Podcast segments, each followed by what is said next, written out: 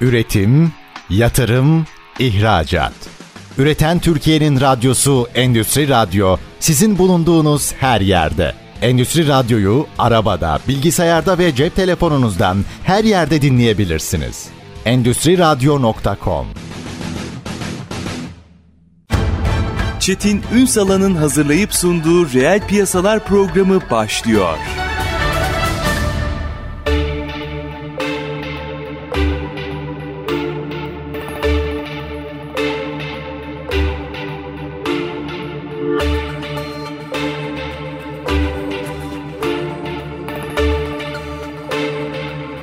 Reel piyasalardan merhabalar. Türkiye'nin gerçek gündeminde birlikteyiz efendim. Bugün yine COBİ'leri konuşacağız. Bir tarafta dönüşüm gerçeği, biraz e, bir tarafta işte e, finansman e, problemi. Hep zaten bunları dile getiriyoruz, konuşuyoruz.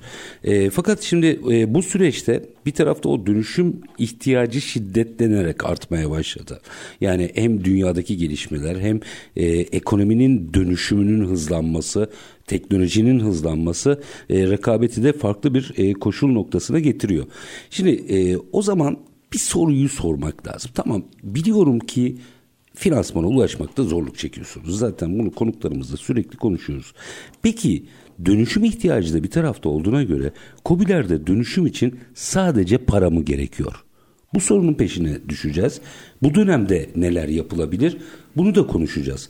Kıymetli bir konuğumuz var. Öğretim görevlisi Remzi Durmuş. Bugün reel piyasalarda. Sayın Durmuş günaydınlar, hoş geldiniz efendim. Günaydın, hoş bulduk. Var olunuz. Üstadım e, ilk önce bu dönem neler yapılabilir açmadan önce bir kere şunu biraz konuşalım mı? Gerçekten hem teknolojinin hızlanması hem dünyada e, rakiplerin hızla bu dönüşüm yolculuğunu e, devam ettirmesi dönüşüm şiddetini birazcık ihtiyacını şiddetini biraz arttırıyor sanki.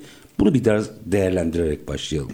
Tabii dünya özellikle bu Endüstri 4.0 ile birlikte ciddi anlamda farklı bir boyuta geçti. Hı hı. Dijital dönüşüm noktasında.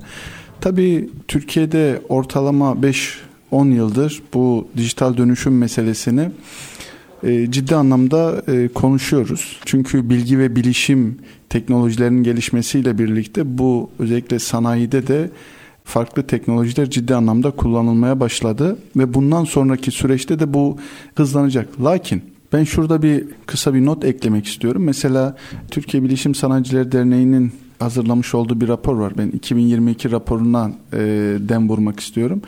E, bu raporda 2021'de mesela Türkiye'nin dijital dönüşüm endeksi 3.21 iken 2022'de bu 3.12 e, düşüyor. E, burada yapılan araştırmada ise özellikle COBİ'lerin neden hani bu düşüşü e, neden olduğunu onu e, soruyorlar. Orada birkaç şey var. Diyorlar ki nitelikli iş gücünün TL'nin de değer kaybetmesi ve enflasyonun da artmasıyla birlikte yurt dışına çıkması Kaybolsa. evet e, nitelikli iş gücüne erişimde e, problem yaşanması yüksek enflasyon ve bu yüksek enflasyonla birlikte her şeyin artması, maliyetlerin artması. Öteki taraftan dolar kurunun e, çok yüksek olması ki bu e, dijital aygıtların e, bir kısmı yurt dışından geliyor ve döviz üzerinden geliyor. Bunu bir e, neden olarak e, söylüyorlar. E, tabii bunlar bu arada parite de sıkışık. Yani 1.07-0.8'lerde parite ihracatçıyı da kurtarmıyor. Kesinlikle. Zaten o raporda bunlar detaylı olarak da şey yapıyor, anlatılıyor e, bu yaşanan sorunlar. Şimdi bu böyle olduğu zaman ister istemez Türkiye'deki e, dijitalleşme sürecini biraz daha akamete uğratıyor, biraz daha e, yavaşlatıyor. Asıl o beklenen o dönüşüm sürecini biraz daha öteliyor önümüzdeki yıllara e, atmış oluyor. E, tabii COBİ'lere e, bu süreçte ciddi anlamda destek olmak lazım. Evet hani az önce de ifade ettiniz dijitalleşmede finans boyutu önemlidir ama tek şey değildir, faktör değildir. Ama e, burada özellikle kamunun da e, bu süreci ciddi anlamda şey yapması gerekiyor, desteklemesi gerekiyor. E, bir dönem e, COSGAP e, bu sürece destek verdi. 1 milyon liraya kadar destek verdi ama şu an hani o 1 milyon lira özellikle dijitalleşme e, sürecindeki kobiler için çok da bir şey anlam ifade etmiyor. Hmm, bir rakamlarda rakam... revizya, revizyon isteniyor anladığım kadarıyla ihtiyaç yani. Kesinlikle. Ya şimdi şöyle bir şey var. Buradaki kobiler ne kadar büyürse, ne kadar çok ihracat yaparsa ekonomi büyür, ülke büyür ve bu da ister istemez devlete öyle ya da böyle e, şey yapıyor, yansıyor. Ya o nedenle hani oradaki özellikle COSGAP gibi kurum kuruluşların bence bu süreci e, daha üst perdeden desteklemeleri gerektiğini düşünüyorum. Hani e, dönemsel bir destek değil de geleneksel her süreçte yani hani atıyorum şu tarihler arasında ben çağrıya çıktım değil de yani 12 aylık süreç içerisinde projesiyle başvuru yapan girişimcilerin ya da kobilerin bu destekten faydalanabileceği bir şey olması lazım. Bir altyapının oluşturulması gerektiğini Biraz düşünüyorum. Sözlerinizden şunu anlıyorum. Biraz daha tabii yani teşbihte hata olmazmış. O farklı bir alan ama Türkaliti yaklaşımının sanki diğer alanlara da yansıyor. Hani sürekli bir birlikte yolculuk haline gelmesi lazım gibi hissettim sözlerinizden. Zaten ben Kobi dediğim zaman hani Kobi'nin gelişimi dediğim zaman bir insanın gelişimi gibi düşünürüm. Ee, nasıl ki bir çocuk hani 3 yaşına 5 yaşına geldiği zaman hani bunu kendi haline bırakmıyorsunuz. Çünkü bu bir süreç. E, Kobiler de böyledir. Yani o e, dijitalleşmesi için daha sürdürülebilir hale gelmesi için sürekli iç ve dış motivasyonla desteklenmesi lazım. Aksi takdirde o KOBİ'den istediğimiz şeyi alamayız, verimi alamayız. Alsaydık şu an zaten Türkiye'nin milli geliri şu anki halinin 3-4 kat büyüklüğünde olurdu. Bakın Güney Kore nerede biz neredeyiz? Japonya nerede biz neredeyiz? Onun için... Aslında hepsinin çıkışları da baktığınızda KOBİ'ler. Kesinlikle KOBİ'ler yani ekonomi çünkü ekonomi KOBİ'lerden can bulur, hayat bulur, ekonomi gelişir, büyür ve ihracat yaparsınız. Yani o nedenle e, burada bir desteğin önemli olduğunu düşünüyorum. Şimdi tabii burada bir de ya şu da var. Yani dijital bir kültür oluşturmak gerekiyor. Bu dijitalleşmenin nedenli önemli olduğunu kobilerimize anlatmak gerekiyor. Bu sürecin nereye gittiğini, dijitalleşmediği zaman 3 yıl sonra 5 yıl sonra diğer rakiplerinin nasıl gerisinde kalacağını bunları şey yapmak lazım, anlatmak lazım. Özellikle Anadolu'daki kobilerimize bunları e, doğru bir şekilde e, izah etmemiz lazım. Aksi takdirde... Biraz şeye sıkıştım hocam. İşte birkaç parça şey yani teşbihte hata olmazmış. E-ticarette mal satıyorum. Sosyal medya kullanıyorum. E tamam muhasebe programlarım da zaten şey bitti. Sanki buraya biraz sıkıştı. Ya maalesef öyle evet öyle bir şey var bir görünüm var ama takdir edersiniz ki Türkiye'de 3 milyon 200 bin civarı bir işletme var. Bunlar sadece e-ticaretten oluşmuyor. Hizmet sektöründe olanlar var, imalat sektöründe olanlar var, üretim yapanlar. Yani bu açıdan baktığımız zaman bu ülkenin gerçeği sadece e-ticaret değil. Evet şey. orada bir sektör var ama sadece e-ticaret değil. Yani hani biz burada onlarca sektörden bahsediyoruz. Yani plastiğinden tutun da demir çeliğine kadar birçok sektör var. Yani. O algıyı kırmamız lazım. E kesinlikle öyle. Yani hani dijitalleşme dediğimiz zaman tamam ben e-ticaret yapıyorum o zaman dijitalim. Ya da Değilsin. işte muhasebe programları kullanıyorum dijitalim. Onlar da bir parçası ama hepsi değil. Kesinlikle. Sosyal medya hesabımda kendimi e, gösteriyorum. Bu, bu değil sanki biraz burayı kırmak lazım. İşte az önce onu anlatmaya çalıştım. Yani bunları doğru bir şekilde e, anlatmak lazım kobilerimize. Ya burada kamuya da aslında bir anlamda önemli görev düşüyor. Kamuya, öteki taraftan üniversitelerimize çok önemli görev düşüyor. Biz hep konuştuğumuz üniversite sanayi işbirlikleri aslında teşvik edici bir şekilde e, yapılabilse belki bugün daha farklı şeylerden bahsediyor olurduk. Yani ekonominin nasıl geliştiğini, kobilerin nasıl geliştiğini belki ondan bahsediyor olurduk. Yani üniversite sanayi işbirliğini kamu desteğiyle de sağlayabilseydik aslında.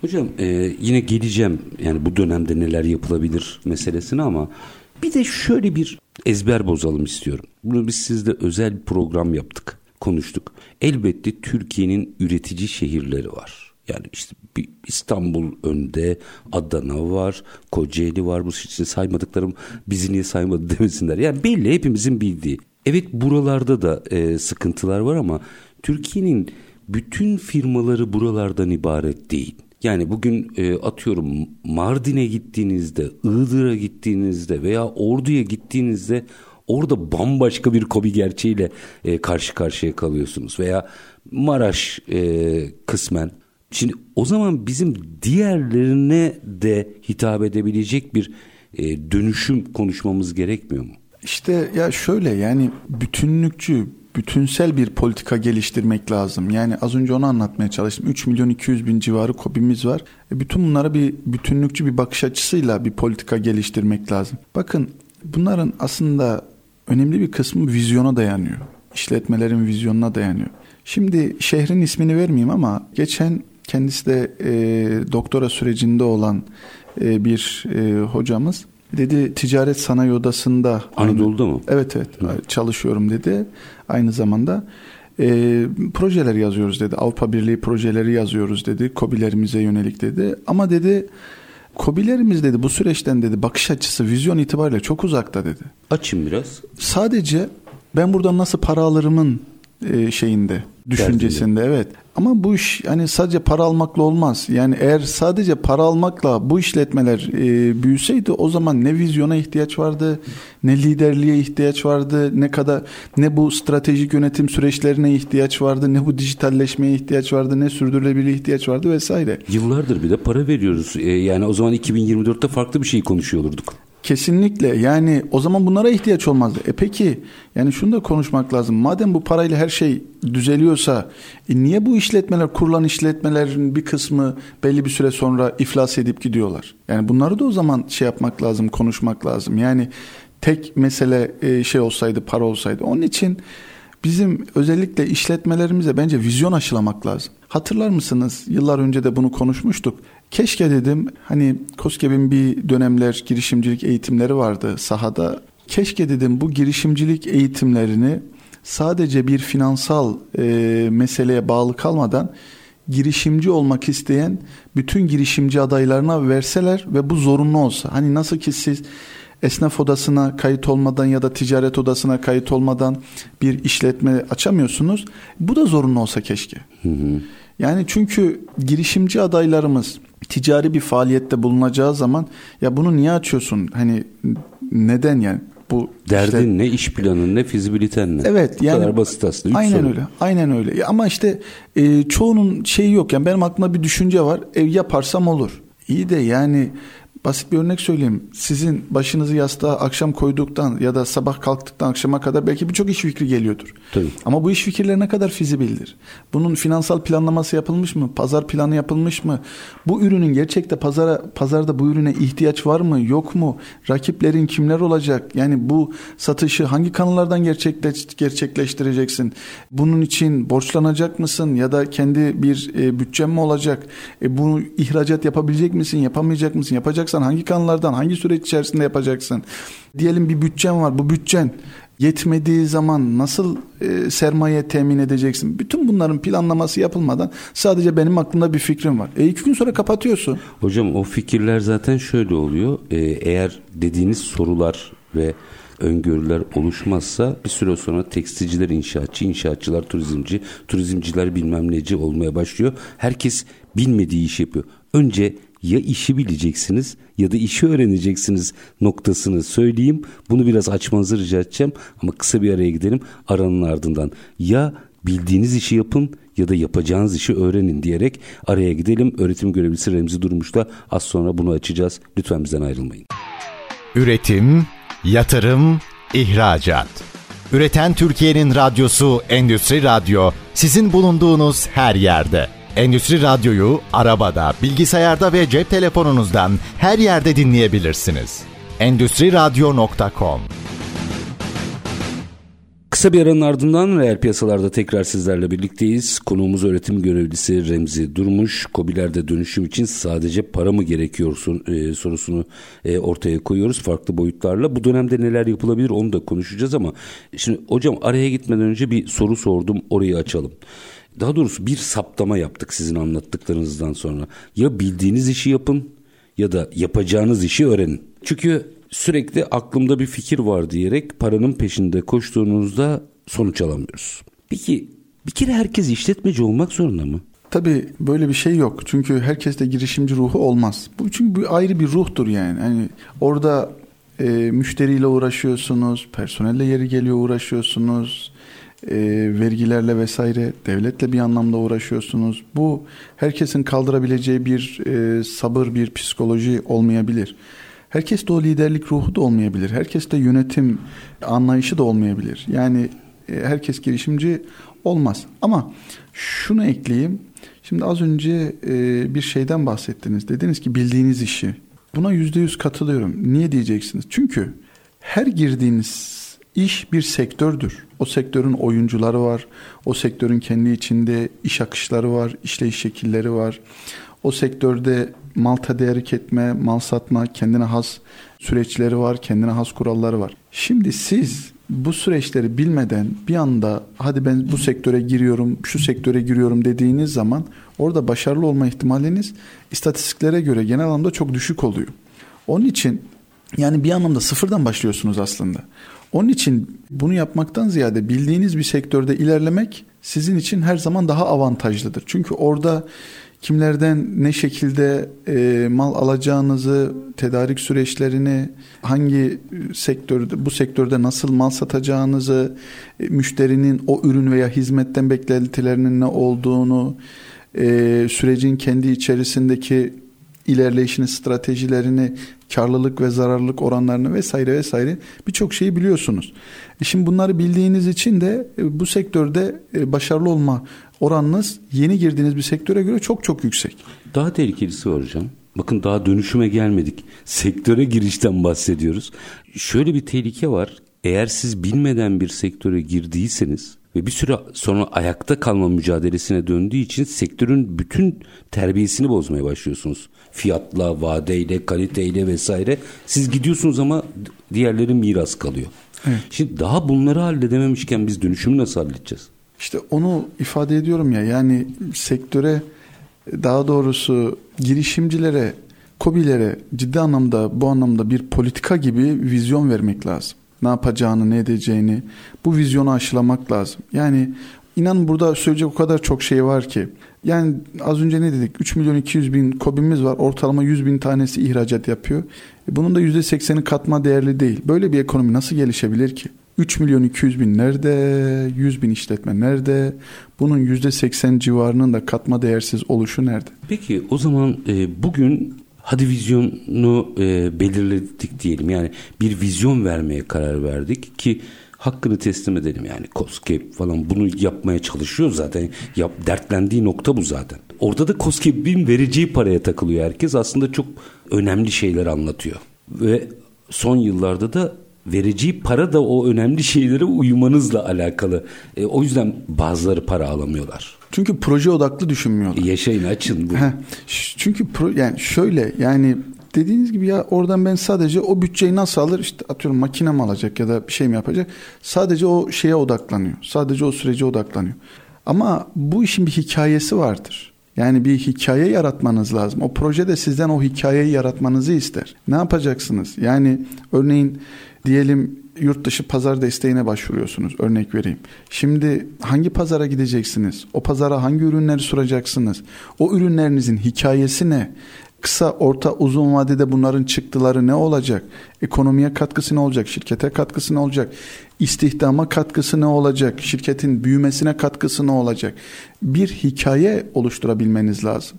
E ben sadece hani işte yurt dışına gideceğim. E çıktıları ne olacak? Ne kadar sürede olacak? Yani onun için yani bu hikayeyi yaratmadan sadece e, bir ürün satma e, ya da sadece bir makine alma şeyiyle giderseniz orada başarılı olamazsınız. Bir de bakın bizim girişimcilerimizde benim yıllara bağlı olan düşün yani gördüğüm kanı şu ürün satmaya çalışıyorlar. Bakın ürün satmak sizin derdinizdir. Tüketici ürün alması hikaye satın alır. Tüketici hikaye satın alır. Yani basit bir örnek söyleyeyim. Hani sağlık sektöründe etik olmadığı için reklamlar olmaz ama yine onlar da kendi çapında çeşitli iletişim çalışmaları yaparlar. Basit bir örnek söyleyeyim. Siz bir ilaç aldığınız zaman aslında ne almış oluyorsunuz? İyileşme umudunu satın almış oluyorsunuz. Hı hı. Bakın umut satın alıyorsunuz. Ya da e, bir yıllar önce bir detaj, deterjan firması vardı bir reklam yapmıştı. Kirlenmek ve çocuğu şey yapmıştı işte çocuk entegre etmişti. Entegre etmişti e, bir deterjanı ağırlıklı olarak kim alır? Bir anne alır. Aslında o, o annenin duygusuna hitap ediyordu. Bırak çocuğun istediği gibi oynasın, gezsin, kirlensin sorun değil. O, o, o size o çocuğun özgürlüğünü vaat ediyor aslında. Yoksa deterjan değil. Deterjanın bir fiyatı vardır. Ama umudun bir fiyatı yoktur. Duyguların bir fiyatı yoktur. O daha değerli bir şeydir ve o kişi onun duygusuna hitap ettiğin zaman o daha fazla ödeme yapmaya razıdır. Onun için kobilerimiz, girişimcilerimiz ne vaat ediyor? Bir ürün mü? Ürün herkes satıyor. Sen ürünün ötesinde nasıl bir duygu vaat ediyorsun? Yani işte onu anlatmaya çalışıyorum ya. E, girişimcilerimiz de, kobilerimiz de kendi hikayelerini yazmaları gerekiyor aslında benim düşüncem. Aksi takdirde e, başkalarının fasonu olurlar, başkalarının hikayelerinin peşinde giderler ve bir süre sonra da maalesef atar giderler. E, Türkiye'ye baktığınız zaman hani istatistiklere e, fason üretim peşinde gidip de batan işletmelerin hikayeleriyle doludur. Doğru doğru. Anadolu'ya gittiğinizde buna çok şahit oluyorsunuz zaten ki siz herhalde COSGAP eğitimlerine e, zamanda gittiğinizde çok şahitlikleriniz bizden çok daha fazladır bizim. Çünkü biz bir yere gittiğimizde genellikle iyi şeyleri göstermeye çalışırlar. Biz kaçar arkadan ne oldu diye bakarız. Sizler direkt onlarla muhatap oluyorsunuz. Hepsinin çok iyi niyetli olduğunu biliyorum. Ama iyi niyeti yetmiyor. Şimdi o zaman bugün de bir dönüşüm ihtiyacı şiddetlenmişken şu sorunun peşine düşelim. Evet finansal olarak bugün bazı zorluklar var. Hepimiz biliyoruz. Bunu yok saymanın anlamı yok. Fakat bugün bile o dönüşüm, o vizyon için çok büyük paralar harcamadan yapılabilecek işler var. Neler yapabilirler bugün? Ya şöyle bir şey, her şeyi bir kenara koydum. Hani bunu dijital dönüşüm açısından değerlendirecek olursak bir kere zihni dönüşüm diyelim biz. Kesinlikle. Yani personele dijitalleşme ile ilgili eğitimler verilebilir. Dijitalleşme nedir? Bir işletme nasıl dijital olabilir? Dijitalleşme iş modelleri nelerdir? Dijital olduğu zaman e, bir işletmenin gelişimine ne tür bir e, katkısı olabilir? Bütün bunlarla ilgili şeyler yapılabilir. Bilgilendirme çalışmaları yapılabilir. Yani en azından e, bir noktadan başlanmış olabilir. Ama bunun da ötesinde bir kere bakın işletmelerin kültürleri nasıl oluşur biliyor musunuz? İşletmelerin kültürleri o işletmelerin girişimlerin kurucuları kimlerse, ortakları kimlerse onların anlayışlarıyla, onların dünya görüşleriyle, onların iş yapma şekilleriyle o işletmelerin kültürleri oluşur. Önce bunu fark etmek lazım. Evet. Kim işletmeler mesela bakarsınız daha ataerkildir. E, yöneticilerine bakarsınız o kültürü almıştır. Kimi işletmeler biraz daha e, yumuşak bir e, şey vardır, yapısı vardır. O, o yöneticilerin şeyini almıştır e, psikolojisini, kültürünü almıştır. Ve işletmeler böyle böyle bu kültürler üzerine artık kurumsal bir hale gelirler. Öyle anılırlar bir süre sonra. Yani sürekli tekrarlanan tavırlar, tutumlar e, durumuna gelirler. Onun için bizim en başta eğitimlerle bu süreç dijitalleşme süreci desteklenebilir. Yöneticileri de başta aslında ikna etmek lazım. Bu sürecin ne kadar önemli olduğunu ve bu süreçte e, neler yapılması gerektiği ile ilgili. Bir diğer husus e, örneğin İstanbul özelinde söyleyeceğim. Anadolu'da da bunlar yapılıyor. Mesela bu dijital dönüşümle ilgili mesela olgunluk analizi yapılabilir. Mesela İstanbul'da e, İstanbul Sanayi Odası e, bu süreci destekliyor. Hı hı dijitalleşme ile ilgili işte olgunluk analizi ile ilgili e, benim hatta işte bizim danışmanı yaptığım bir firmayı da böyle bir çalışma yapmıştık. Yani en azından hangi aşamada e, firma nerede nerede değil o fotoğrafı çekmiş oluyor. Hiç olmazsa bunu yapın. Evet evet yani o fotoğrafı çekmiş oluyor ve eksikleri neler artıları neler size bir e, yol haritası çıkartıyorlar. Ha bunun illa hepsini e, yapmak durumunda değilsiniz ama bir noktadan başlayabilirsiniz.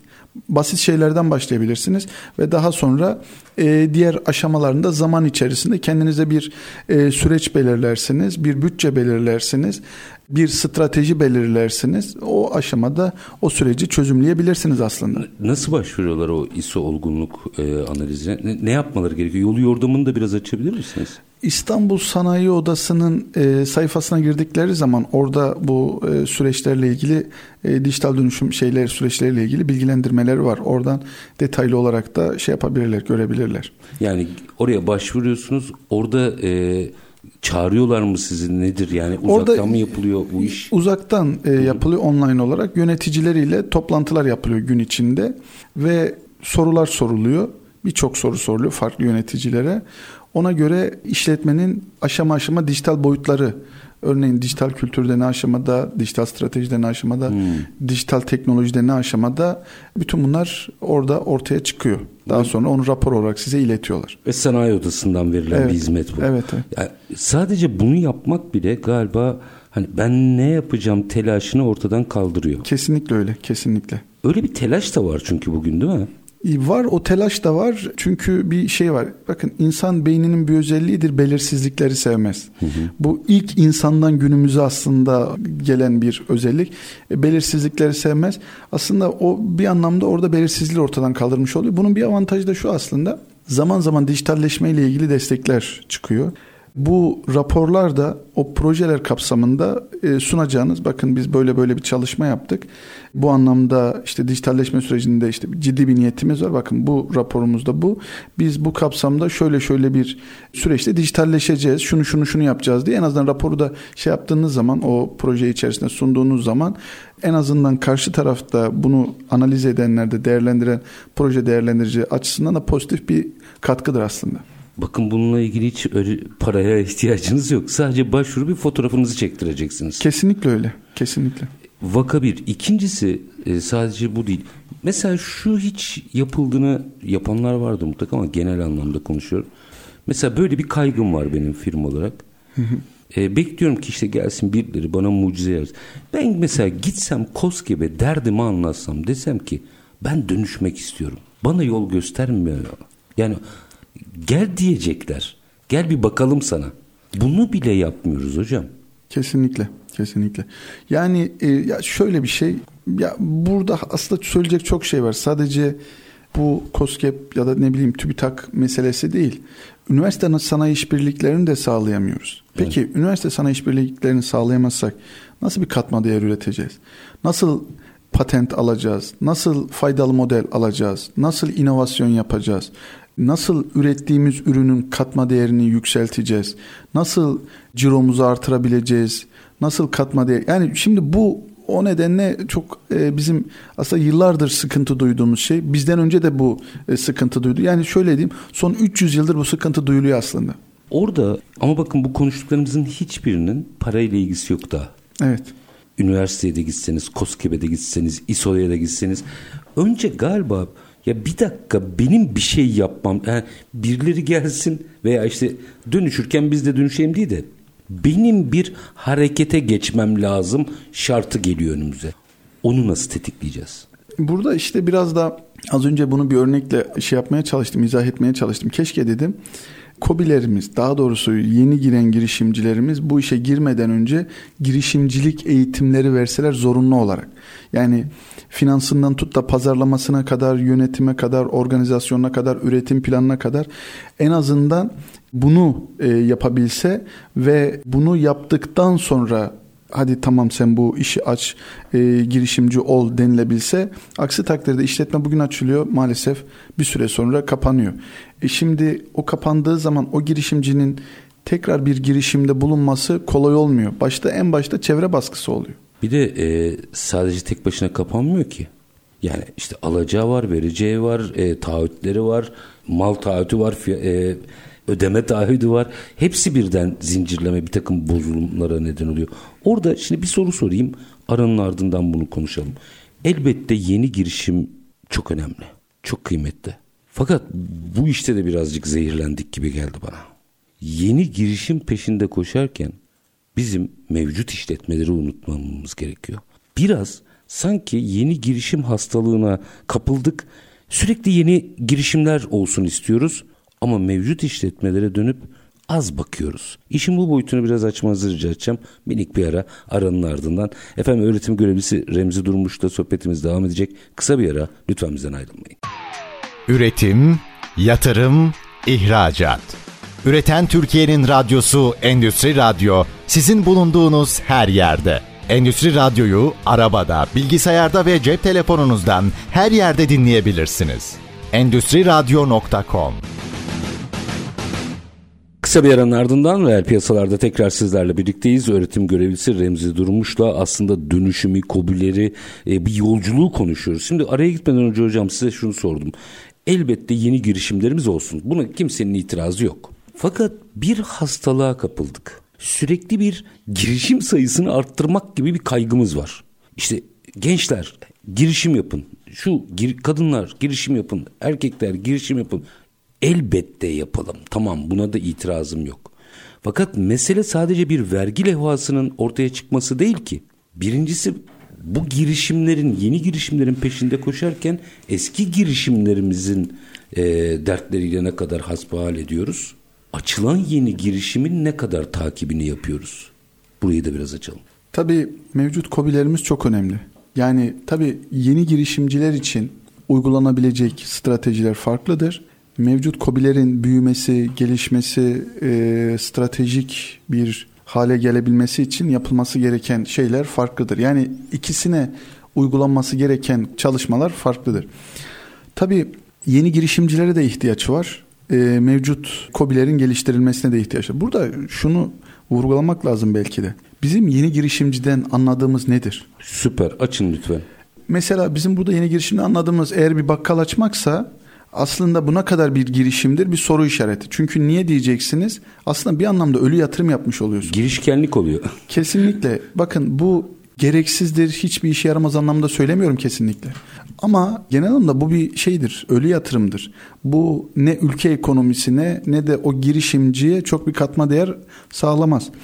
Baktığınız zaman o girişimcinin, o bakkal açan girişimcinin ay sonunda kazandığıyla normal bir e, işe girse orada kazanacağı parayla 3 aşağı 5 yukarı aynı.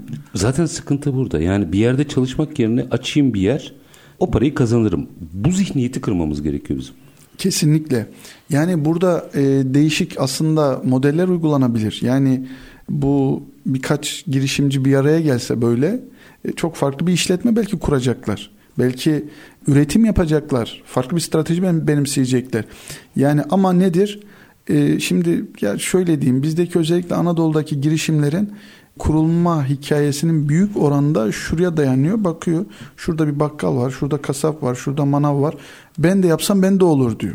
Yani e, belki onlara daha farklı rol modeller önüne koymak lazım. Hocam bakkal bakkallık yapan birinin bugün otomotiv üreten firma haline dönüştüğünden ders almak yerine bakkallık yapan birinin nasıl orta çaplı bir e, bakkal olduğunu konuşur haldeyiz. Halbuki bizim örneğimiz var orada. Şimdi isim vermeyeceğim tabii. Ankara'da bakkal olup bugün Türkiye'nin bir numaralı holding haline gelmiş o gelişimi anlatmamız gerekmiyor mu bizim? Evet kesinlikle yani o e, işte onu anlatmak istiyorum. Yani o hikayelere ciddi anlamda ihtiyaç var. Yani o neredeyse sıfırdan Kurtuluş Savaşı şartlarında kurulmuş o bakkalın o dönemde sıfırdan bugün nasıl holding haline geldiğini o hikayeleri anlatmamız lazım. Aksi takdirde bu ülkenin ne kadar yeni bakkallara ihtiyacı var soru işareti. Hı hı. Çünkü bakın biz ihracat yapan, katma değer üreten firmalar oluşturamadığımız sürece 50 yıl sonra bile biz hala orta gelir tuzağını konuşacağız. Söylediğinizden şunu anlıyorum. Bugün e, hani o bakkal holding olmuş ya onda o kapasiteyi görüyorsanız bakkal açmasına izin verin diyorsunuz anladığım kadarıyla. Evet, evet.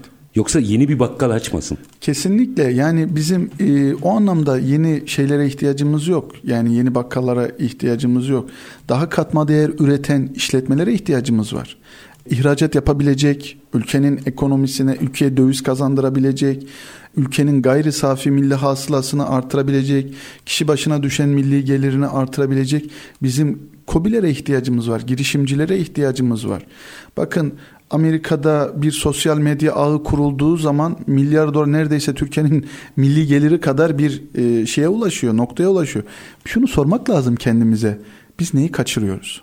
Ki o girişimci Amerika'da yetişiyor da Türkiye'de yetişemiyor. Oradaki de insan, buradaki de insan. Yani o da oksijen tüketiyor, buradaki de oksijen tüketiyor. Yani oradaki de zeytin peyniri yiyor, buradaki de zeytin peyniri. Peki biz nerede ne kaçırıyoruz ki? Bizdeki insanlar bu şekilde girişimci olmuyor da oraya gittikleri zaman bu e, şeyleri girişimci oluyor da milyar dolarlık şirketler kuruyorlar. Bence bunu kendimize sorup eteğimizdeki taşları dökmemiz lazım. Dökmediğimiz sürece hep bir cenderenin içerisinde maalesef dönüp dönüp duracağız. Bunu hakikaten sorgulamak lazım. Örnek veriyorum Anadolu'daki böyle yaratıcı zihinlere sahip olan gençler neden orada durmuyorlar da daha batı şehirlerine geliyor? Bunları kendimize sormamız lazım. Ee, ve ciddi anlamda sormamız lazım. Yani hani bunu hatırlarsanız yıllar önce de konuşmuştuk. Ee, dedim ki keşke dedim bizim e, sanayi ticaret odalarımız kendi içerisinde melek yatırım ağları kursalar da bu gençlerin projelerine yatırım yapsalar. Nefis, ki, nefis olur. Evet ki bu gençler de daha büyük şehirlere gelmek durumunda kalmasalar. Kalkınma zaten yerelden başlar. Yani siz bunu yerelden başlatmadığınız sürece yani istediğiniz şeyi elde edemezsiniz. Ondan sonra İstanbul gibi, İzmir gibi, Ankara gibi e, yerlere sıkışmaya başlar. Bir yerde ne kadar çok tesis açılmaya başlarsa e, bu sefer oraya bir göç oluşmaya başlar. Tam Sa- kısır döngü. Kısır döngüye dönüşür yani. Siz ne kadar göç alırsanız e bu sefer ne olacak? Ulaşım sorununuz olacak, sağlık sorununuz olacak, eğitim probleminiz olacak. Altyapı harcamanız olacak. Kesinlikle. Siz daha çok tesis şey yapacaksınız. Hastane açacaksınız. işte sağlık ocağı açacaksınız. Okul açacaksınız. Yolları genişleteceksiniz vesaire vesaire. E bu sefer daha da göç olmaya başlayacak. Yani bu bir şey kısır döngü. Yani onun için yerelde daha çok belki şey yapmak lazım, çalışma yapmak lazım. Oradaki vizyonu değiştirmek lazım. Yani oradaki vizyon e, değişmediği sürece maalesef ki istediğimiz e, şeyleri elde edemeyeceğiz. Yani e, bu ülkede 50 yıl önce de e, bu orta gelir tuzağından bahsediliyordu. Bugün de bahsediliyor. Belki 20 yıl sonra da bu şekilde gittiği zaman bahsedilecek. Hocam e, şimdi tabii günün sonunda gelişimi yakalamaya çalışıyoruz e, denilen bir yaklaşım var firmalar açısından da. Yani göç aynı zamanda firmaların da göçü anlamına geliyor. Halbuki mesela üniversite sanayi işbirliğine atıfta bulundunuz ya bir, bir tanesini örnek vereyim. Atıyorum mesela Konya'da Karatay ki Konya Ticaret Odası'nın yapılanmasıdır. Mesela Karatay Üniversitesi çok enteresan işler yapabiliyor. İlimizdeki üniversiteye gitmiyoruz. Şimdi orada o zaman şunu sorayım. Bakın bu da parasız yapılacak bir şey bu arada. Üniversiteye gittim ben. ne soracağım? Onun bir yolunu yor. Yani ben gidip tamam gideyim de merhaba işte çay içtim. Beni de çok iyi ağırlarlar eminim. Hoş geldin, beş gittin. Çayımızı da ikram ettik. iki de sohbet ettik, hasbel ettik, döndük. Hayır benim gittiğimde bir şeyler soruyor olmam lazım. O süreci ve ilişkilendirmeyi de biraz açar mısınız? Tabii. Şimdi siz diyelim bir e, kobi olarak elinizde bir e, bir düşünceniz var diyelim. Hani işletmenin bir teknoloji geliştireceksiniz, bir bir şey bir çalışma yapacaksınız. Bununla ilgili üniversitelerin TTO'ları vardır. Yani teknoloji transfer ofisleri vardır. Oranın kapısını çalabilirsiniz. Diyebilirsiniz ki benim şöyle bir düşüncem ya da şöyle bir projem var. Bununla ilgili ne yapabiliriz? Nasıl bir işbirliği geliştirebiliriz? Ya da bununla ilgili bir desteğe başvurabilir miyiz? Ya da bu projeyi daha da geliştirebilir miyiz? İşte buradaki hocaların da katkısıyla. Onlar sizin projenizi değerlendiriyorlar. Beni dinlemezler diye düşünüyorlar hocam. Yani e, gerçekten oradaki üniversite hocaları açısından yani öğretim görevlileri, öğretim üyeleri açısından siz o tarafta da o bulunduğunuz için onlar ne bekliyorlar mesela? Bir, bir şey gelsin de bir şey yapalım diye bekliyorlar mı gerçekten? Ya tabii şöyle şimdi üniversitelerde özellikle sahanın içinden gelmiş e, birçok hocamız var, birçok değerli hocamız var. E, zaten burada projeler geldiği zaman buradaki birçok hocamız bunu şey yapıyor, e, değerlendiriyor. Hani o süreci kendi katkısını sunuyor. Yani bence öyle olumsuz düşünecek bir durum yok yani. Yani gitseler ve dertlerini anlatsalar olay büyüyecek. Orada hazır bekleyen birileri var yani. Kesinlikle var. Yani hani ya beni dinlemezler işte şöyle olur. Yani bu bunu şey yapmaya gerek yok yani hani böyle ön yargılarda e, bulunmaya gerek yok. Zaten o hocalar da o teknoloji transfer ofisleri de e, bu hizmetleri sunmak için var. Yani oradaki o uzmanlar, uzman yardımcılar, yöneticiler bu hizmetleri sunmak için var zaten. Yani Peki bu güzeldi. Bunun altını çizmek de önemliydi. Karar verdim. Kalktım, gittim. Şimdi orada da ne soracağım, ne konuşacağım, nasıl bir yolculuk yapacağım önemli. Bunların da parası yok. Bakın hala para harcamadık. Vizyonumuzu ve dönüşümümüzü hızlandırıyoruz. Gittim doğru ilişkiyi yani derdimi doğru anlatabilmem için nasıl bir yol izlemem gerekiyor? Benim şöyle bir dertlendiğim nokta var. Gelin bunu beraber yapabilmenin metodolojisi nedir? Şimdi oraya gittiğiniz zaman işletmenizin diyelim bir problemi var. Yani ben şundan şundan şundan dolayı işte e, verim kaybına uğruyorum. Şöyle bir geliştirme yapacağım. Şöyle bir çalışma. Siz anlattığınız zaman onlar zaten size e, hangi hocayla nasıl bir çalışma yapabilirsiniz e, bunu zaten şey yapıyorlar anlatıyorlar hocalarla bir e, toplantı organize ediyorlar bu proje nasıl geliştirilebilir ne yapılabilir bunlarla ilgili zaten orada gittiğiniz zaman derdinizi anlattığınız zaman zaten hani şey yapıyorlar yani yönlendirme yapıyorlar iyi sonuç veriyor mu? Mesela orada da zamanlamayla ilgili genellikle bir sabırsızlık var. Şimdi gittim anlattım. Hadi hemen o nasıl bir süreçtir? Nasıl bir sabır istiyor? Bu tabi projesine göre değişir. Şüphesiz. Çalışmanın içeriğine göre ama e, orada süreci tabi çalışmayı projelendiriyorlar. Kısa, orta, uzun vadede neler yapılabilecek? Projelendirdikten sonra hangi aşamalarda nasıl kat edilecek? Onu zaten proje süreci içerisinde değerlendiriyor. Kimileri çok kısa süre içerisinde olur. Kimileri orta vade olur, kimileri uzun vade. Peki ikinci bir soru daha. Bunun da parası yani çok vardır mutlaka şeydi ama minik bir şeyler. Hocam gelin bunu bir de işletmede bizim yönetime arkadaşlara anlatın fazını da geçemiyoruz. Onu ne yapacağız? Hocalar ya, bunu açık. Evet evet yani biz şahsen hani şirkette de bunu e, şey yaptık danışmanı yaptım şirkette birçok hoca geldi. Farklı üniversite hatta dekan seviyesinde geldi.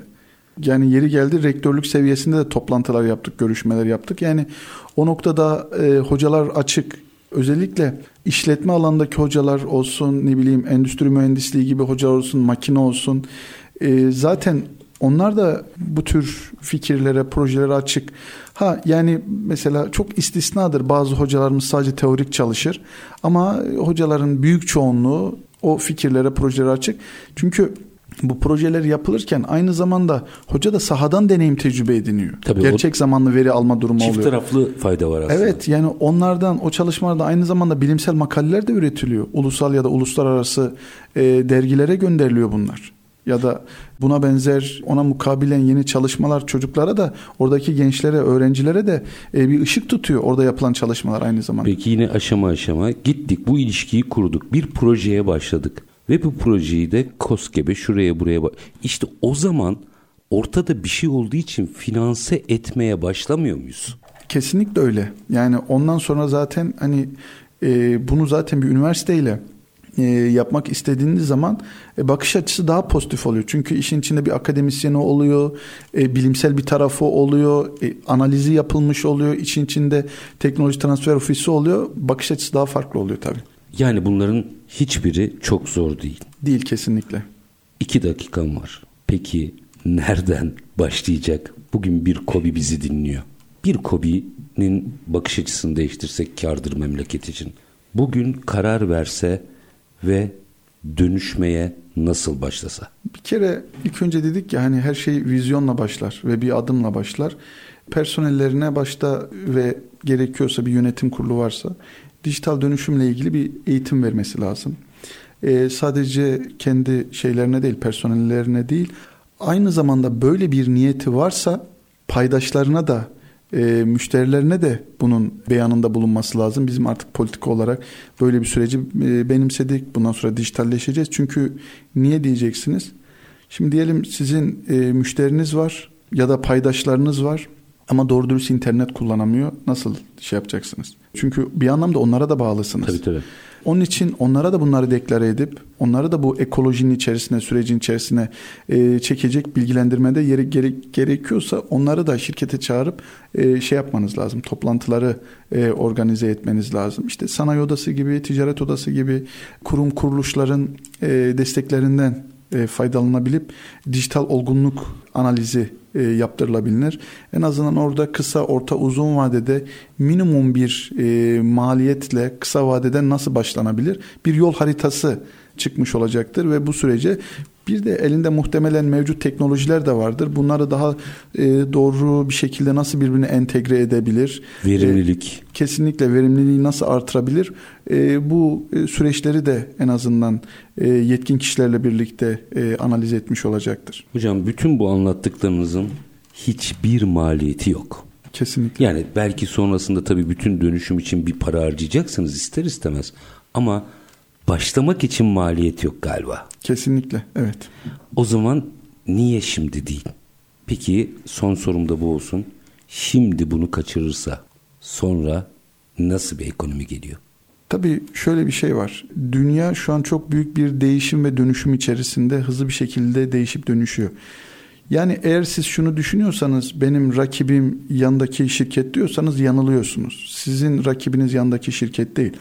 Zaten siz e, rakibiniz yandaki şirket olabilir yani odur diyorsanız e, o işletmelerin ömrü de maalesef çok olmuyor. Çünkü Türkiye gibi gelişmekte olan ülkelerde her 10 yılda bir kriz oluyor ve bu kriz olduğu zaman e, bir e, ekosistemi bir anlamda bir kişi battığı zaman diğerlerinde bir domino taşı gibi şey yapıyor, e, etkiliyor. etkiliyor, etkiliyor.